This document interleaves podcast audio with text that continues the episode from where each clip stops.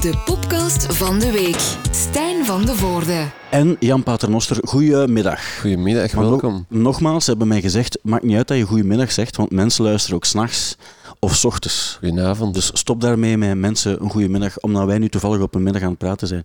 Eh, dag Jan, tof dat ik hier mag zijn. We zitten, het is belangrijk, want mensen zien dat niet, in Anderlecht. We zitten in Anderlecht, ja. Bekend van de uitspraak, en dan ga ik terug naar mijn schooltijd. Anderlecht super slecht, want de keeper staat niet recht. Die ken ik ook, maar die klopte eigenlijk niet. Nee, de keepers staan bijna altijd recht. Eh, De keeper is eigenlijk heel goed, hè? En, eh, bij- in Anderlecht? Ja, ja weet- die heeft al eh, veel... eh, veel ballen gepakt. het is. En ja, goed, het is niet aan ons om nu uitgebreid over voetbal te praten, want het concept eh, van deze podcast is dat we de weekactualiteit overlopen als het gaat over muzikaliteit. En dan is mijn belangrijkste vraag, Jan, heb jij deze week dingen gezien in jouw omgeving waarbij je dacht van, god ja, dat is een muziekactualiteit? Ja, de strokes komen nou weer rechter. hè. Ja, die komen, is dat iets eh, waarbij je denkt van, dat is belangrijk nieuws voor mij? Dat is voor mij wel toch belangrijk Ja. nieuws, ja. Want mijn, mijn, broer had al eens een paar keer, of één keer, in eh, dat festival in, in Spanje zeker, had Ja. hij speciaal naar daar gereisd om die dan daar te zien en dan uren In Barcelona. gewacht in Barcelona en dan met zijn lief en dan begon dat. En dan was dat zoveel chaos dat hem de eerste minuut zijn lief kwijt was en dan zo eigenlijk het eerste half uur van dat concert bijna niet beseft heeft. Ik dacht, ik heb het niet zo ver gaan zoeken om ooit dan eigenlijk toch eens de Strokes te kunnen zien, maar ik ben wel echt heel blij dat ze dan toch Ja. eens komen. Het is de tweede keer in België. De eerste keer was in dag 2002 in de AB, hier niet zo heel ver vandaan. Ja, En was je daarbij? Was ik niet bij, nee. Nee. En dan nu komen ze terug. En ja, voor heel veel mensen is het sowieso de eerste keer. Dat is opvallend. Nog iets dat je gezien hebt? Ja, de, de bands die zichzelf eco-friendly willen laten toeren. Ja. Ik, ik zag nu juist dat Dave Matthews Band 1 miljoen bomen gaat planten. In ruil voor de tour dat ze doen om die eh, neutraal te maken. Ja, je moet het eigenlijk nu, nu doen. Hè. Coldplay die hebben ook besloten om bijna niet te toeren. Omdat ze denken van ja, als we met al die trucks rondrijden, dan gaan we vervuilend zijn. Ja, Maar ze doen dan nog wel, wel dingen, dat hoort er ook bij. Maar ik kan me voorstellen dat jullie dat niet kunnen zeggen. Bij Coldplay is het misschien makkelijk om te zeggen, we gaan niet meer toeren, want die weten dat ze qua inkomsten eh, goed zitten. Maar als jullie gaan zeggen, we gaan niet meer op de baan en we doen gewoon alles via eh, onze streamingplatformen, dan komen we er ook wel. nee, dan komen we er niet. Hè. Denk, ik, ik zag dat... eh, dat is ook deze week, hè, dus dan mag ik daarover praten. over alles van deze week praten. Dus ehm, ik zag dat zo de, de, de artiesten in Amerika, dat zo big business is om, om van die resi- residencies te doen in Las Vegas. Ja. Dat, eh, dat Lady Gaga daar ook echt wel eh, een van de grootste is. En ja, oké, op zich deden, deden bands dat vroeger ook. Eigenlijk de Strokes zijn daardoor ook bekend geworden van in, altijd in hetzelfde café elke Ja. week een concert te doen in New York. En dan, ah, ik snap wel het ding dan van, oké, er staat niet bij dat ze het doen voor ecologische redenen. Het staat erbij omdat ze het doen voor meer levenskwaliteit. Om waarschijnlijk niet constant op de baan te willen zijn. Dan, dan gaan die gewoon in Las Vegas wonen voor de jaren dat ze daar gaan spelen. Ik, ik, ja, ken nu niet heel de geschiedenis van Las Vegas, maar ik vermoed dat ze dat daar al doen sinds Elvis Presley speelt. Ik was nu ook aan het luisteren naar iets dat ik niet, niet noodzakelijk goed vond, maar ik wilde wel eens luisteren. Ehm, ik ga het je laten horen en dan moet je maar zeggen of je het eh, interessant vindt of niet. Er hoort wel een verhaal bij, om eerlijk te zijn. Oké. Brother John's on his way to heaven. Meet his maker and shake his hand. Het gaat over de dood. Three. Come on, baby, let's rattle them bones. Ken je hem? Ik ken hem niet, nee. bones. Ik ken hem ook niet. Ik had er nog nooit van gehoord, maar hij zat wel op heel veel eh, muziekblogs en sites deze week. Zijn naam is David eh, Olney en hij is deze week gestorven op het podium. Heb je het verhaal gehoord toevallig? Nee, nee, nee. Dus nee. hij zat op een podium en te spelen ook. Hij was op zich al, al een dagje ouder, maar nog niet super oud. Het is een man uit Nashville, 71 jaar oud. En eh, hij gaf een concert in, in Florida. En op een bepaald ogenblik is hij, heeft hij gezegd van, zo heeft zich geëxcuseerd, de ogen gesloten en is gestorven. Wauw. En er gebeurt niet zo heel vaak dat mensen sterven op een podium, Nee, nee, nee. zou je dan denken. Maar dan heb ik even gekeken en blijkbaar was er deze week nog een geval van iemand die op het podium stond. Hij maakte deel uit van een Australische band genaamd The Wiggles. Zijn naam is Greg Page. En The Wiggles is een soort van Studio 100-achtig ding, maar heel populair daar voor kinderen. Het is echt een, een, een kinderding. Dus was het een jonge gast dan? Of? Nee, hij was niet zo, niet zo jong. Dat is het verschil dan met de Studio 100 dingen, dat hij vrij, vrij eh, op leeftijd was. Eh, maar niet super oud. Ik, ik schat hem zo in de 40, eh, zo mijn leeftijd eigenlijk. Ja. Misschien een beetje ouder. En hij heeft een hartaanval gekregen op het podium, maar hij heeft het wel overleefd. Oké. Maar op een podium staan en, en sterven, eh, die Mark Sandman van Morphine, die heeft dat ook meegemaakt. Dus hij, hij heeft het misschien overleefd net doordat hij op het podium stond. het, het zou kunnen. Mark Sandman van Morphine niet. Ja. Eh, die is gewoon gestorven. Je hebt ook die Dimebag die bij Pantera speelde. Die is neergeschoten op het podium. ook al gebeurd. En Tommy Cooper, ken je nog? Die, die comedian. Een, ja, van die nogal... Ja, in deze tijd flauwe humor, maar in die tijd super populair. Is ook een halve goochelaar. Die stond dan op een, op een trap. En plots valt hij daar af. Via de gordijnen achter hem valt hij in de backstage. Mensen lachen, en want hij was een comedian, En ze half dachten goochelaar. dat, En ze dachten dat het een of van de andere... Ja. En uiteindelijk was hij dood. Dus het gebeurt dat er mensen sterven op een podium. En dan vraag ik me af, en jij weet dat beter als muzikant, is dat dan op een bepaalde manier toch geen schone dood? Ja, ik denk het wel. Ik Omdat je, je, je sterft terwijl dat je doet wat je heel graag doet. En sowieso, zoals die eerste gast, vermoed ik dan dat dat wel een gast op vrij hoge leeftijd was, nee? Wel, die, Die, mensen... klinkt, toch, die klinkt toch wel... Oké, 71. ja, dat is nu, 71. is nu niet de leeftijd dat je zelf voor zou tekenen. Nee, maar ik vraag me dan af, want je hebt heel veel voorbeelden van rockdoden. En je hebt de, de clichés van de overdosissen enzovoort ook. Maar je hebt ook zo de andere voorbeelden van mensen die sterven omdat ze tegen een boom skiën bijvoorbeeld. Ja, Of, ja, of een raar verkeersongeluk en zo, dat gebeurt ook. Maar wat zou jij dan als, eh, als muzikant, en uiteraard we hopen dat, dus, dat het heel lang duurt voor het gebeurt, maar voor welke dood zou jij tekenen? Een dood waarbij je het gevoel hebt, dat is nog vrij rock and roll. Ehm, de eerste waar ik aan denk is dan een vliegtuigcrash, maar dat, moet, dat is gewoon omdat ik vliegangst heb ook. Ah, oké, ja. Zo zijn er ook genoeg voorbeelden. Ja. De Buddy Holly-achtige eh, toestanden eigenlijk. Maar dus ja, liefst van al eigenlijk niet door een vliegtuigcrash, maar dat Nee. lijkt mij wel toch nog legendarisch. dat is heavy. Dat wilde niet meemaken. Dat willen we niet meemaken. Wat we wel willen meemaken, en dat is nu een vlot brugje dat ik maak, zonder jingle, maar een, een Grammy winnen. Zou je dat willen? Het zijn de Grammys dit Ja, weekend. Ja, zeker. Ja, maar ik, ik, want je kan fancy doen over muziekprijzen en zeggen, ach, maakt niet uit, want stelt niets voor.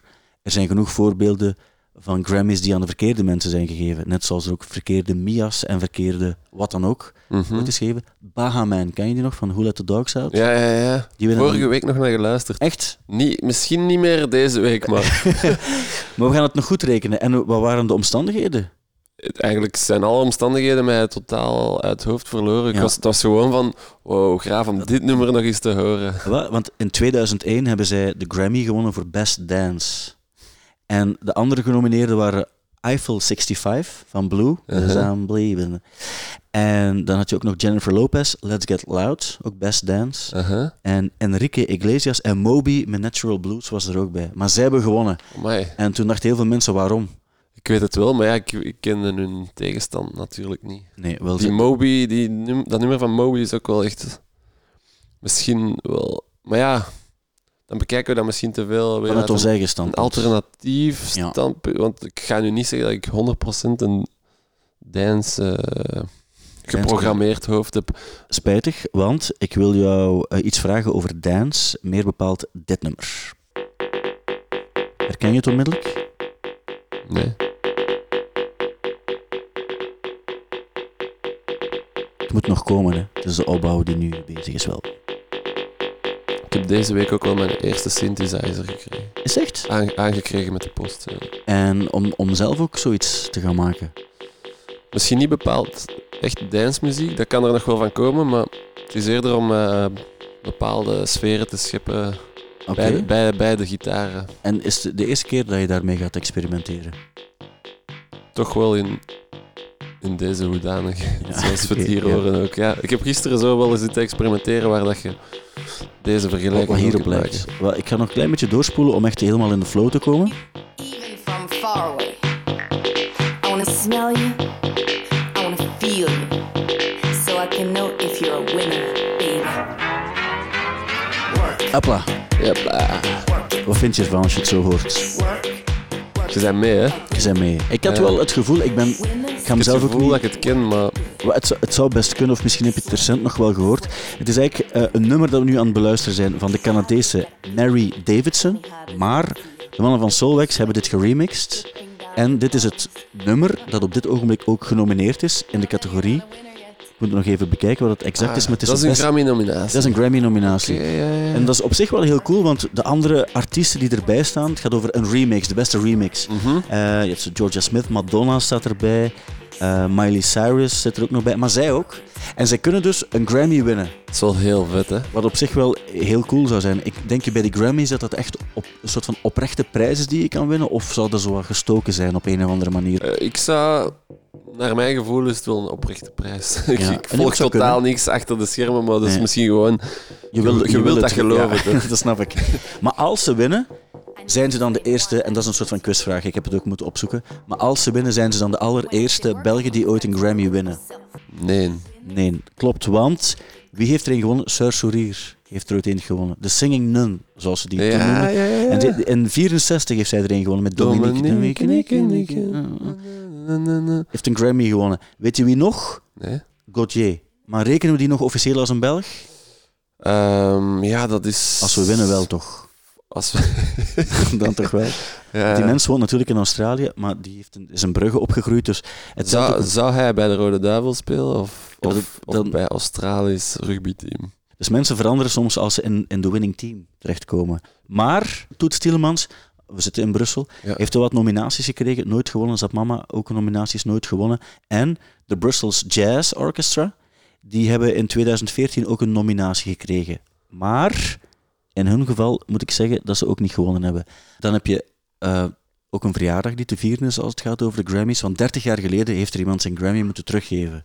En de reden was, ze hebben niet zelf gezongen. en de mannen waren Milli Vanilli. Ik weet niet of dat ik dat eigenlijk ken. Milli Vanilli? Hopla. Herken je het? Ik zal een beetje verder gaan, hè.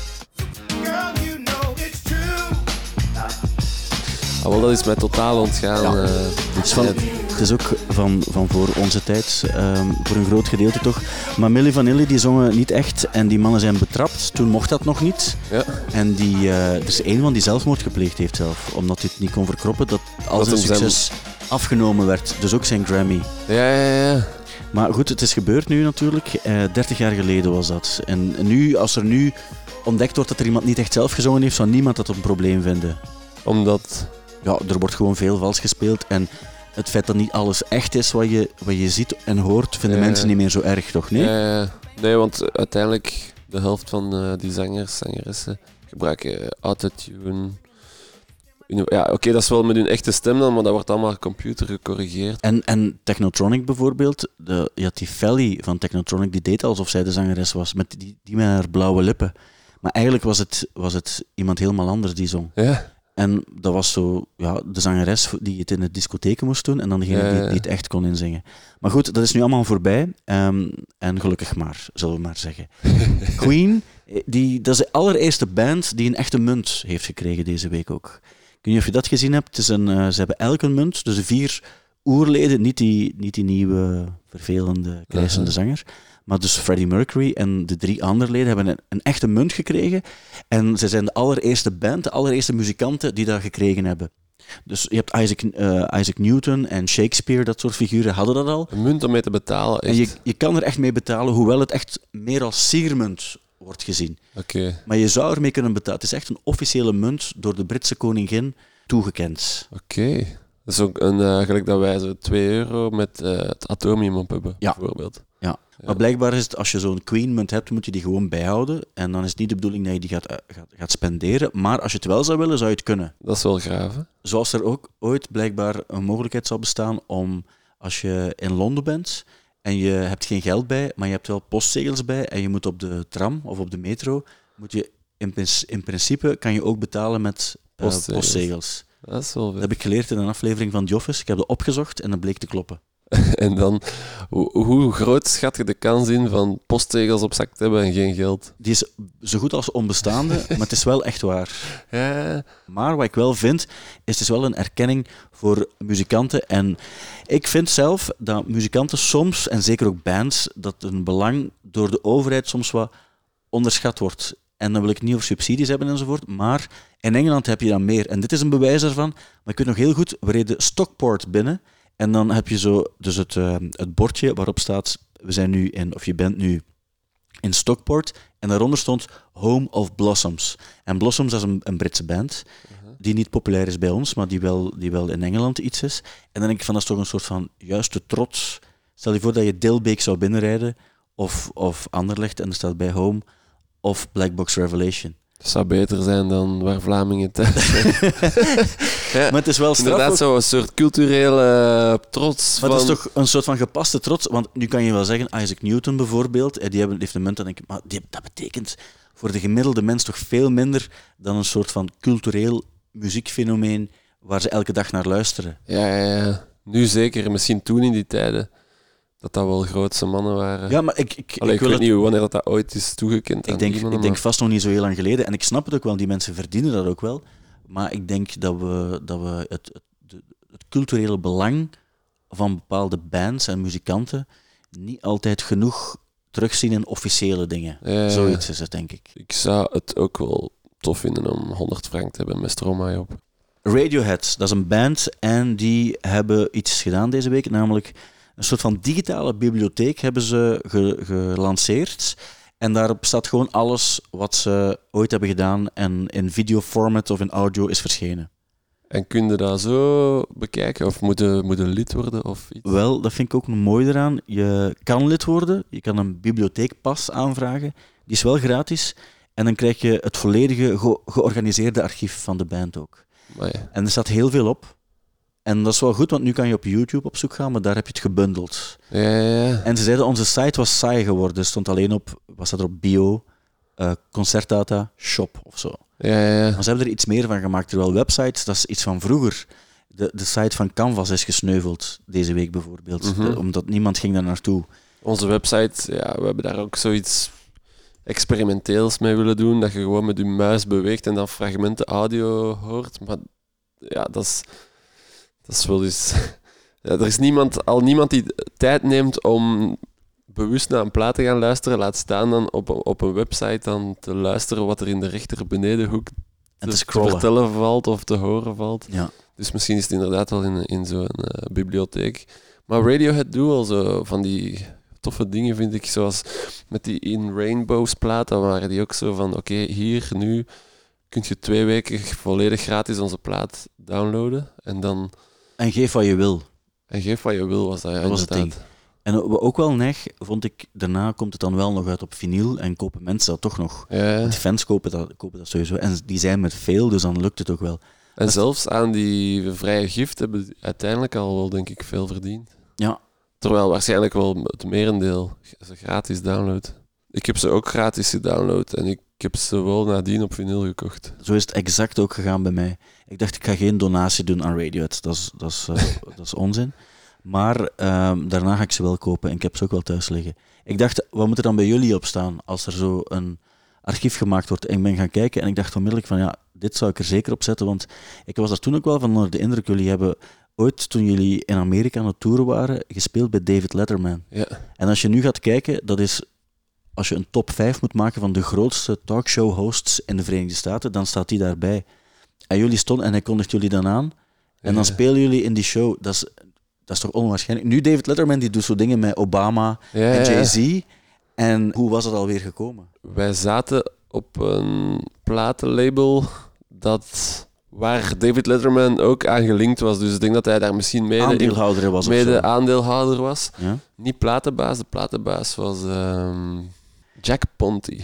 Eh, we hebben die nooit in levende lijven ontmoet. Die, die belde ons gewoon af en toe als hij een interview met ons had gehoord op een of andere eh, radio daar. Ja? Om dan te vertellen hoe we het al dan niet wel of anders moesten doen. Dat was letterlijk van...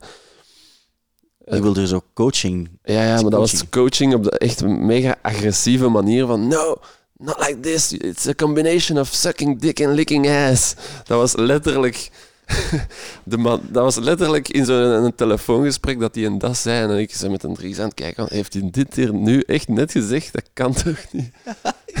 maar dus, dus zo hoorden wij die om de paar weken aan de telefoon met zo'n zo, zo'n praat. En dan was dat, en dan was dat van, oké, more concerts. And then by the end of the year you can, you can play the Letterman show. En wij altijd zo, op, op den duur werd dat bijna zoiets van, dit, dit gaat, eh, gaat dit wel ooit gebeuren? Want als je dan al die telefoongesprekken van daarvoor al had gehoord, dacht je van, bon, dat houdt geen steek wat dat die gast zegt. Maar dan uiteindelijk kwam dan echt wel die datum dat we in de Letterman show mochten gaan spelen. Dat was... En dan heb je die aankondiging. Their network Zo. television debut with us this evening. This is their album. It's entitled My Perception. Please welcome Black Box Revelation, everyone.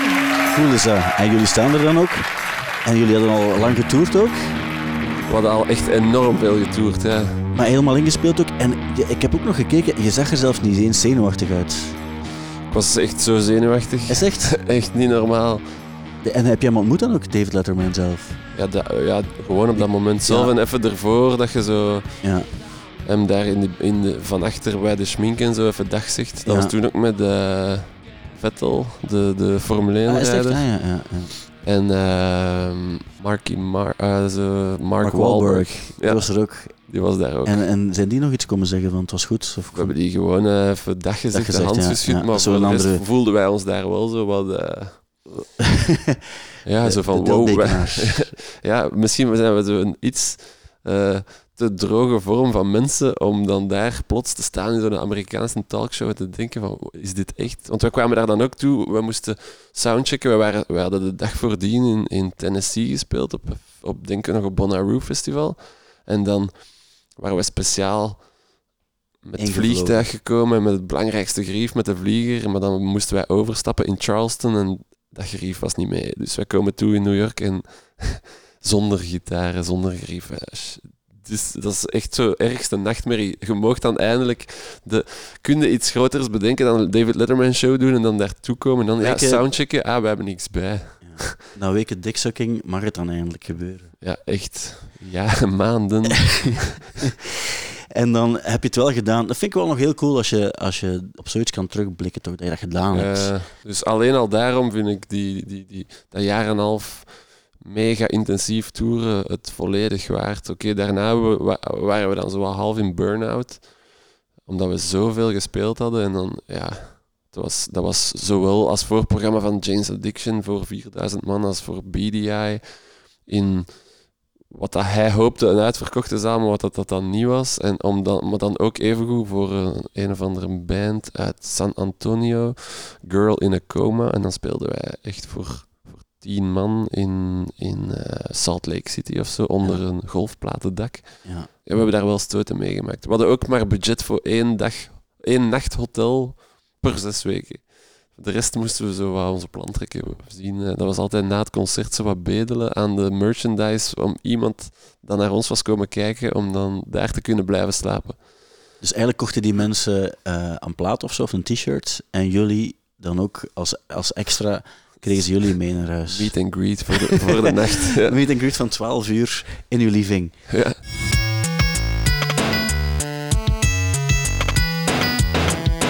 De podcast van de week. Zwaar. Ik heb ook besloten om die jingle één keer te gebruiken, zo midden in, midden in die podcast. Die zijn gemaakt ook. Dus dan Ik vond denk hem ik- wel goed gepast. vond je hem goed? Ja. Ja.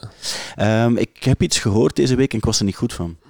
Ehm, het heeft te maken met het feit dat er een, een man is, een jongen, Louis Tomlinson is zijn naam. Mhm. Zat bij One Direction, is nu solo bezig, zoals al die mannen van One Direction. De ene al meer succesvol. Eigenlijk zijn ze allemaal vrij succesvol. En eh, die heeft een nieuwe single uit, Walls. En het coole aan die single is dat bij Composer staat er Noel Gallagher. En er zou, volgens de mannen die het nummer gemaakt hebben voor hem, gepikt zijn uit drie nummers van Oasis, geschreven door Noel Gallagher, zijnde Stop Crying Your Heart Out, Cast No Shadow en Acquiesce. En het cool is, ze wilden geen risico nemen. Zeiden van, ja, eigenlijk hebben we dat gepikt van, al- van al die nummers. Dus we gaan gewoon aan hem vragen, mogen we jou opschrijven als, als co-auteur? Want anders heb je waarschijnlijk alle recht en reden om ons aan te klagen. en Noel Gallagher heeft dan gezegd van, ja, het mag. Wat ook opvallend is, want ze hadden gedacht van, het gaat nooit lukken, want die heeft hem in vorige interviews al een kokzakker genoemd. Wat op zich niet erg is, want dat is een soort van compliment, eh, ja. waarschijnlijk ook. Ehm, maar ik heb dan ook eens geluisterd naar dat nummer en ik dacht, jij hebt ook een, eh, een veel meer muzikaal oor dan, dan dat van mij. En ik hoorde het wel ongeveer, maar gewoon door die stem die zo, zo zwak is. Zwak bedoel ik voor, dat is niet, geen coole stem dat die gast heeft. ehm, vond ik het zo een speciale eigenlijk. Dus dit is het nummer, Walls is de titel. Je moet eens even luisteren en dan zeggen... Je kent de nummers waar het ongeveer... Je kent de Oasis-nummers waar het ongeveer over gaat, hè? And all that's left of us is a cupboard full of clothes.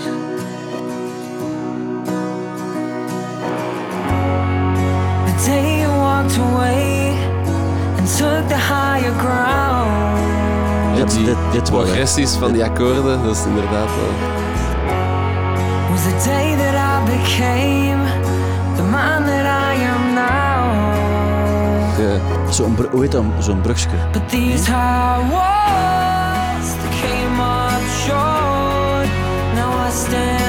ja, gewoon zo de progressie van akkoorden en, en over, die overgangen. Dat is inderdaad allemaal echt pure oasis. Hè. Maar het is gewoon, ik heb nog nooit gehoord dat zoiets gebeurt. Wel, als je zegt van, ik heb het gepikt van, van dit nummer, dat snap ik, want de Gallagher's hebben zelf zo'n dingen constant gedaan. Van T-Rex tot, Ja, tot wat dan ook. Maar dan zeggen, we, we gaan van drie nummers pikken en dan daar iets nieuws van maken, vind ik wel moedig ook, om dat, ook eerlijk toe te geven. maar ja, want de anderen v- die ooit gepikt hebben, bon, dat ze pikken, maar toch wel genoeg je eigen ding mee doen. Ja. Dus dit is inderdaad wel bijna echt... Het is iets minder gedaan ook, hè. Het is, een, het is echt inderdaad de puzzel van Oasis-nummers met dan een zwakkere stem op. Ja. Er was nog een soort van plagiaat opmerking deze week. Maroon 5 Ja. ben ik niet zo'n grote fan van. En van de 1975 ben ik ook geen grote fan. Ja. Maar als ze ruzie maken wel. en dit Alle is, bands die ruzie maken. het gaat over de cover. Kan jij ze, voor de mensen die het niet zien uiteraard, kan je de cover eens beschrijven? We zien Maroon 5 met dan eh, de vier bandleden. Ja. Zijn zij het zelf? Of? Het, het zijn, eh, het zijn mm, zij zelf ik, als jonge gast? als jonge gasten misschien. Ik dacht even dat Keith Richards was van ja, de- die, die leek er wel op. Kara's Flowers is de, de plaat waar het over gaat. zwarte achtergrond met dan een, dus vier fotobootportretten in eh, vier verschillende kleuren: rood, groen, blauw en geel. En Ja. dan de 1975 doet eigenlijk exact hetzelfde, maar in een iets andere compositie. Ja. En de grap was dus, Maroon 5 heeft dat gezien. Die hebben toen gezegd van, eh hey, jullie zijn grote fans van, van Flowers waarschijnlijk. En dan heeft die gast van de 1975 gezegd van, ik kende jullie plaat niet, maar ik heb iets geluisterd en er zat een nummer op over in een telefooncel zitten of zoiets. En ehm, dat vind ik fantastisch. Waarbij ze eigenlijk een steek wilden geven. En daarna zijn de fans ook allemaal voorbeelden beginnen geven van gelijkaardige albumcovers die gemaakt zijn voor Maroon 5 ooit deze heeft gemaakt. En toen hebben ze hem verwijderd.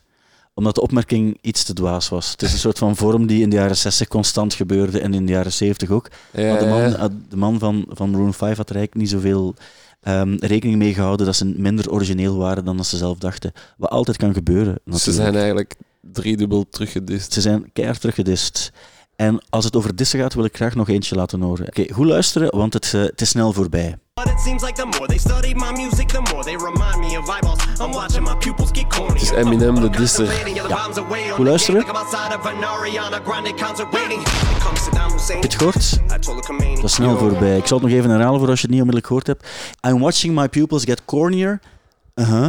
But I'm contemplating yelling bombs away on the game like I'm outside of an Ariana Grande concert waiting. En dan komt er een explosie.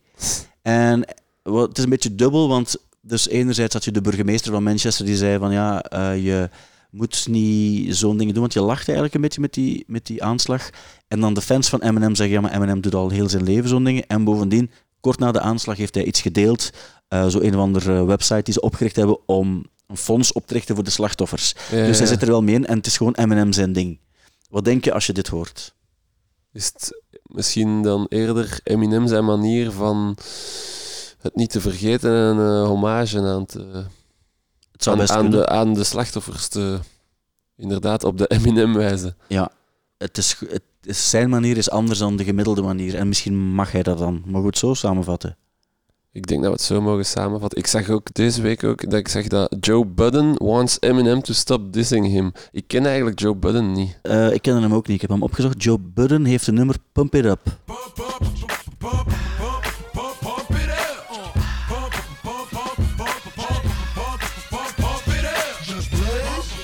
dat Eminem dit iets te vlot vindt. en niet, niet super maatschappijkritisch. Hij heeft wel een hit gehad. eh, blijkbaar. Want als ik kijk naar Joe Budden en zijn, zijn streamingcijfers, is dit nummer meer dan 27 miljoen keer gestreamd. Oké. Wat op zich wel oké is. Hoewel de mannen, ehm, ik, de mannen van Slipknot, die kwamen ook deze week twee keer in de aandacht. En dan nog wel met iets vreemd. Ten eerste, ze hebben een eigen whisky. Een eigen whisky die ze zelf promoten voor elke show. Dan gaan ze flessen signeren, ook effectief. En ehm, de, de whisky heet Number 9, omdat de band ook met negen leden is. Oké, oké. En een ander punt van hen was, met streaming verdien je niets. YouTube verdien je niets. Eigenlijk streaming staat op niets voor ons. Ik ben wel voorstander van dat streamen, omdat eh, ja, je kunt zo, zoveel fans over heel de wereld en je kunt dan zien waar dat die fans zijn en zo. Dus je hebt misschien meer een beeld van wie dat er muziek consumeert, maar dan gaan er ook wel mensen dat aanzien. Zo bijvoorbeeld, misschien gaan er concertpromotoren of zo dan kijken van hoeveel volgers heeft die een band op zeg maar Spotify of op Apple Music. En dat komt eigenlijk totaal niet overeen met hun successen live. Dus dat is Ja. misschien wel een slechte barometer om dat dan te gaan checken. Dus het is op zich niet echt iets, het is niets waar je rijk van wordt als gemiddeld muzikant, maar het is wel een, een nieuw platform om muziek te verspreiden over de hele wereld. Ik denk dat er sommige artiesten daar wel echt heel rijk van zullen worden. Denk dat zijn soort Ed Sheerans die, die, Ja. die dan... eh, je merkt ook, die, die maken dan albums echt puur gericht op streaming. Met elk nummer is dan bijna een featuring, een of andere, andere grote streamingartiest. Om het succes der streamings nog groter te maken.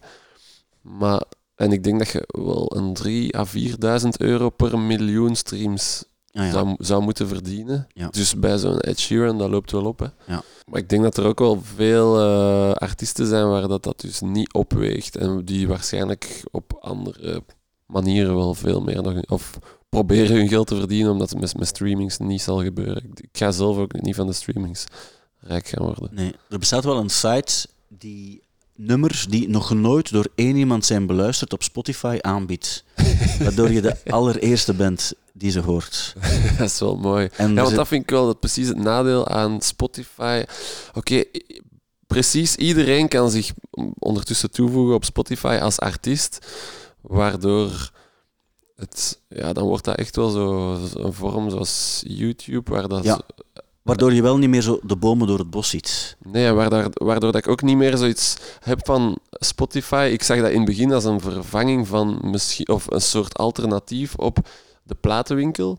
Wat het dan uiteindelijk niet meer wordt, want iedereen kan het erop gaan zetten, waardoor ja, bon, niet iedereen zijn, zijn zelfgemaakte demo ligt in, in de Caroline Music of zo. Het is waar, je kan het er gewoon opzetten. En zo heb ik iets ontdekt ook. eh, niet kijken als je wil, want dan is het niet meer spannend. Het is niet superveel. Dit is wel zijn meest beluisterde nummer. En je moet eens kijken of je het herkent. De titel is Zomerblues. Je houdt toch van blues, hè? Zeker. Hier nog een goede bluesplaats staan.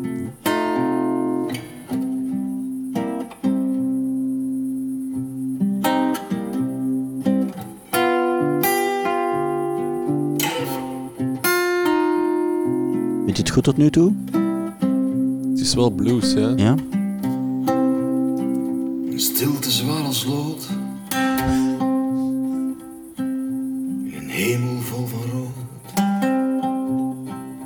Vind je er nu van als je zo... Het is een eerste indruk, hè? Vissen zwommen in het gras. Het is echt ruige blues. Dat denk ik, ja. Dat is Ruben Blok. Nee? Nee? Het is eigenlijk... Je zit in, je zit in de juiste richting, geografisch gezien dan. Maar het is Guy van Zande. Oké. Die heeft op een bepaald ogenblik... Die heeft, ik weet niet hoeveel platen gelost op eh, Spotify. En dat zijn albums vol met, met dit, soort, dit soort dingen. Oké. Ehm, maar het was niet Ruben Blok, moet ik wel toegeven. Ehm, maar het is soms moeilijk om op een heel korte tijd zo'n dingen eh, eruit te kiezen. Ik wil nog één ding laten horen. Ik vond het een, een moedig ding en ook een soort van hoopgevend ding. Ken je het muziekgenre drill? Nooit van gehoord. Nee, dat is een soort van harde trap eigenlijk. Zo'n beetje gangster trap. Zo'n soort van ja, hip-hop eigenlijk, maar dan ehm, ja, zo over criminaliteit zingen. Daar komt het op neer. En de drill, daar heb je een man die semi-populair is. Mr. Strange is zijn naam. En hij heeft een nummer gemaakt over wie hij echt is. En dat was nogal opvallend ook, want in die scene zijn er een aantal voorschriften, dingen die je mag zijn en die je vooral niet mag zijn. En op een bepaald ogenblik heeft hij eh, dit ge gerhymed, zal ik het maar noemen. Yo, now they think because I'm gay that I can't bully tracks. Pull Heb je het gehoord? Aha, ik heb daar deze week ook over gelezen. En dat is, eh, vond ik heel cool, want hoe moedig moet je zijn, denk ik dan. Mr. Strange dus- zegt, ik ben gay. Ja. En, en eh, als je hem ziet staan, hij verschilt op geen enkele manier van de, de andere drillmannen. Maar hij zegt hier van, kijk, ik ben gay en dat is wie ik ben. En verder, het, verder gaat het wel over van, ik doe nog altijd heel criminele dingen, maar ik ben Ja, ook gay. Maar hoe heavy moet het zijn dan voor zo'n gast? Ja, inderdaad, want dat zal dan wel een zware macho-wereld zijn. Ja, maar op- het kan dan ook wel weer enorm geapprecieerd worden. In hip-hop zijn er ook een paar die het gedaan hebben en, en die er perfect terecht ook mee weggeraakt zijn. Eh, Van eh. Frank Ocean wordt het toch ook eh, gezegd, hè? Die is B, hè. Is het B? Kijk. Dat is nu wel toevallig dat je over Frank Ocean begint, want dat is het lied dat ik zelf wou laten horen. Is het echt? Ja. Dat was, is het echt? Wat, Mensen gaan denken dat we het afgesproken hebben. Nee, maar ik zou graag naar DHL van Frank Ocean luisteren. Heel graag. Waarom? Ja, omdat dat zo'n eerste nummer dat gedropt was van nieuwe muziek. Ja. Hij heeft daar daarna nog één gedropt, maar dit was het eerste en vind ik persoonlijk het betere Ja. nummer. En ik ben gewoon echt wel heel grote fan van Frank Ocean. Dat is misschien, ja, Ik vind dat niet zo evident, want dat is, geen, dat is niet zo catchy bijvoorbeeld. Maar in Amerika is hij huge. Hij, hij sluit daar ook Coachella af, denk ik, Ja. eh, een van die dagen. Maar het is niet zo evident. Zoals Solange bijvoorbeeld, dat heeft ook wel zo'n soort van scene. Maar dat is niet zo evident. Dat is geen popmuziek. ik vind Frank Ocean zo wel het, een heel groot voorbeeld in het ding van je moet gewoon echt volledig je eigen ding doen en niet toegeven aan een of andere trends of dit of dat. En dat, Frank Ocean is de beste om, daarin, vind ik. En is daarom ook eh, moment, ja, een van mijn grootste inspiraties van. En dat nummer, dat is nu niet speciaal dat dat een heel catchy nummer is in de manier van dat je momenteel door zo'n soort artiesten naar, naar radio zou. Want, want ja, veel van die dingen ga je dan denken inderdaad in de vorm van hoe ga je zoveel mogelijk streams halen, gelijk een Ed Sheeran of zo. En die doen dat dan door zo catchy mogelijke nummers Ja. te maken, bijna op het, op het eh, eh, babyachtige af. En, en de Frank Ocean is dan zo hard zichzelf dat je merkt van, bon, dat is, ik vind dat zo wel een beetje gelijk een, een magazine van, dat alleen maar voeten in zouden staan, een goede food fetish magazine, dat, is, dat zal ook wel echt succes hebben, toch? Die- er zal zeker een scene voor bestaan. Dus eh, ja, Frank Ocean is zo wel mijn food fetish magazine. Vind ik interessant. Zeker.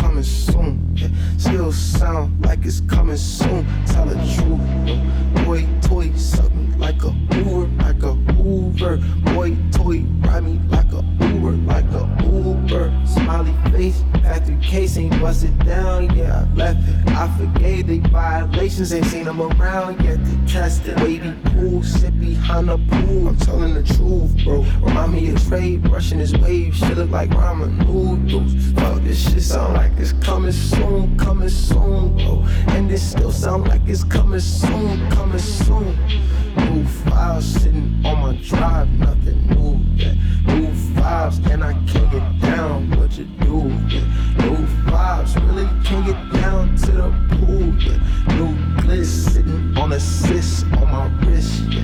New bitch riding on my dick like a kid. Yeah. All in a days, and I pay for the studio rate instead of the rent. Yeah. Now I can hang in this bitch every day for some inspiration to hit.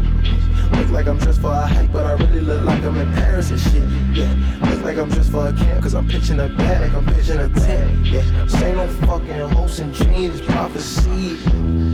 All these sleeve papers in the coffee bean. Roman numerals, niggas born up Ivy Leagues, exposed. Double D's exposed. Throw some beats.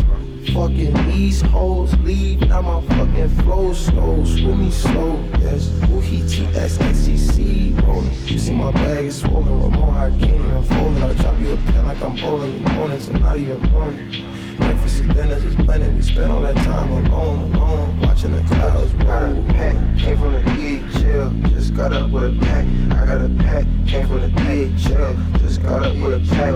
I got a pack, or a pack, yeah, just got up with a pack. I got a pack on the DHL, just got up with a pill. That is DHL, just got up with a pack. Got a pack, came up with DHL, just came up with a pack. Got a pack. Jan, dus op een bepaald ogenblik heeft Frank Ocean een pakje gekregen via DHL. Ja. En heeft er een goed nummer mee gemaakt. Dat is een beetje simpel uitgedrukt ook. eh, maar het is, eh, het, het is wel een nummer. Het, eh, het, het heeft iets. Maar ik vraag mij bij die dingen ook altijd af, live, hoe, hoe mensen, mensen schreeuwen die teksten ook mee. Hè? Ja, dat is, Terwijl, dat is anders dan bij I Wanna Hold Your Hand van de Beatles. Dan is dat logisch dat je die meezingt. Maar dit is, dit is echt iets dat je moet gaan, gaan bestuderen om het... Om het, om het, eh, dus het, het, het, het heeft wel iets daarom. ik, zou het, ik zou het echt wel ook makkelijk vijf keer achter elkaar kunnen luisteren. Dus misschien dat dat dan ook voor die voor de die-hard fans makkelijk is om dan al die teksten mee te schrijven Ja. op, de- op den duur. hè. Ja, ik vind het mooi. Het is, eh, het is ehm, een soort van combinatie van een soundscape en een, en een po- poëtisch ehm, gegeven. Ja, want het is, het is niet de muziek waarbij dat je, als je nu zo zou verwachten, net voordat we gingen luisteren van oké, welk lied gaat er hier komen, dan kan ik wel snappen dat je Maar ik vind het, het einde van het lied zou denken, ja, maar dat is net het soort lied. Dat is, ik denk dat is ook een soort muziek die alsmaar meer kan bestaan door wel dan Ja. streamings en zo. en succesvol is, dat ook. Hè? Want het is ook Ja. niet, niet onbelangrijk dat die dingen, ehm, die vroeger door platenfirma's onmiddellijk afgekeurd zouden worden wegens niet poppy genoeg, op deze manier wel een publiek vinden dat ja. gigantisch groot blijkt te zijn. Dus dat is, eh, dat is goed, dat is hoopgevend. En zo wil ik graag altijd eindigen, Jan. In hoop. En hoop, dat is zo belangrijk in deze tijden. En dat vind ik ook een belangrijke functie van mezelf. Dat is niet helemaal waar. Maar wel, dankjewel om te praten over de muzikale actualiteit van deze week. Je gaat ook mee op. Snowcase, dat is ook niet meer zo heel lang. Ik, ehm, Over een- ik zal best nog eens eh, oefenen met skiën misschien. Ja. Hier in Anderlecht, op de borstels.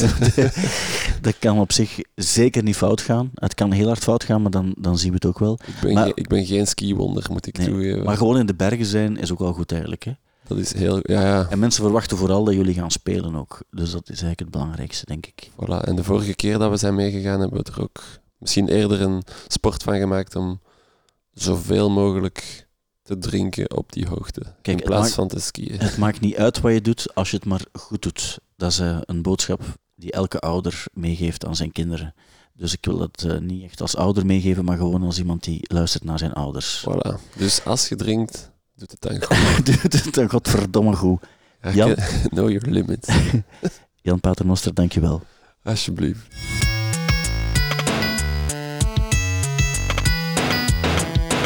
De podcast van de week.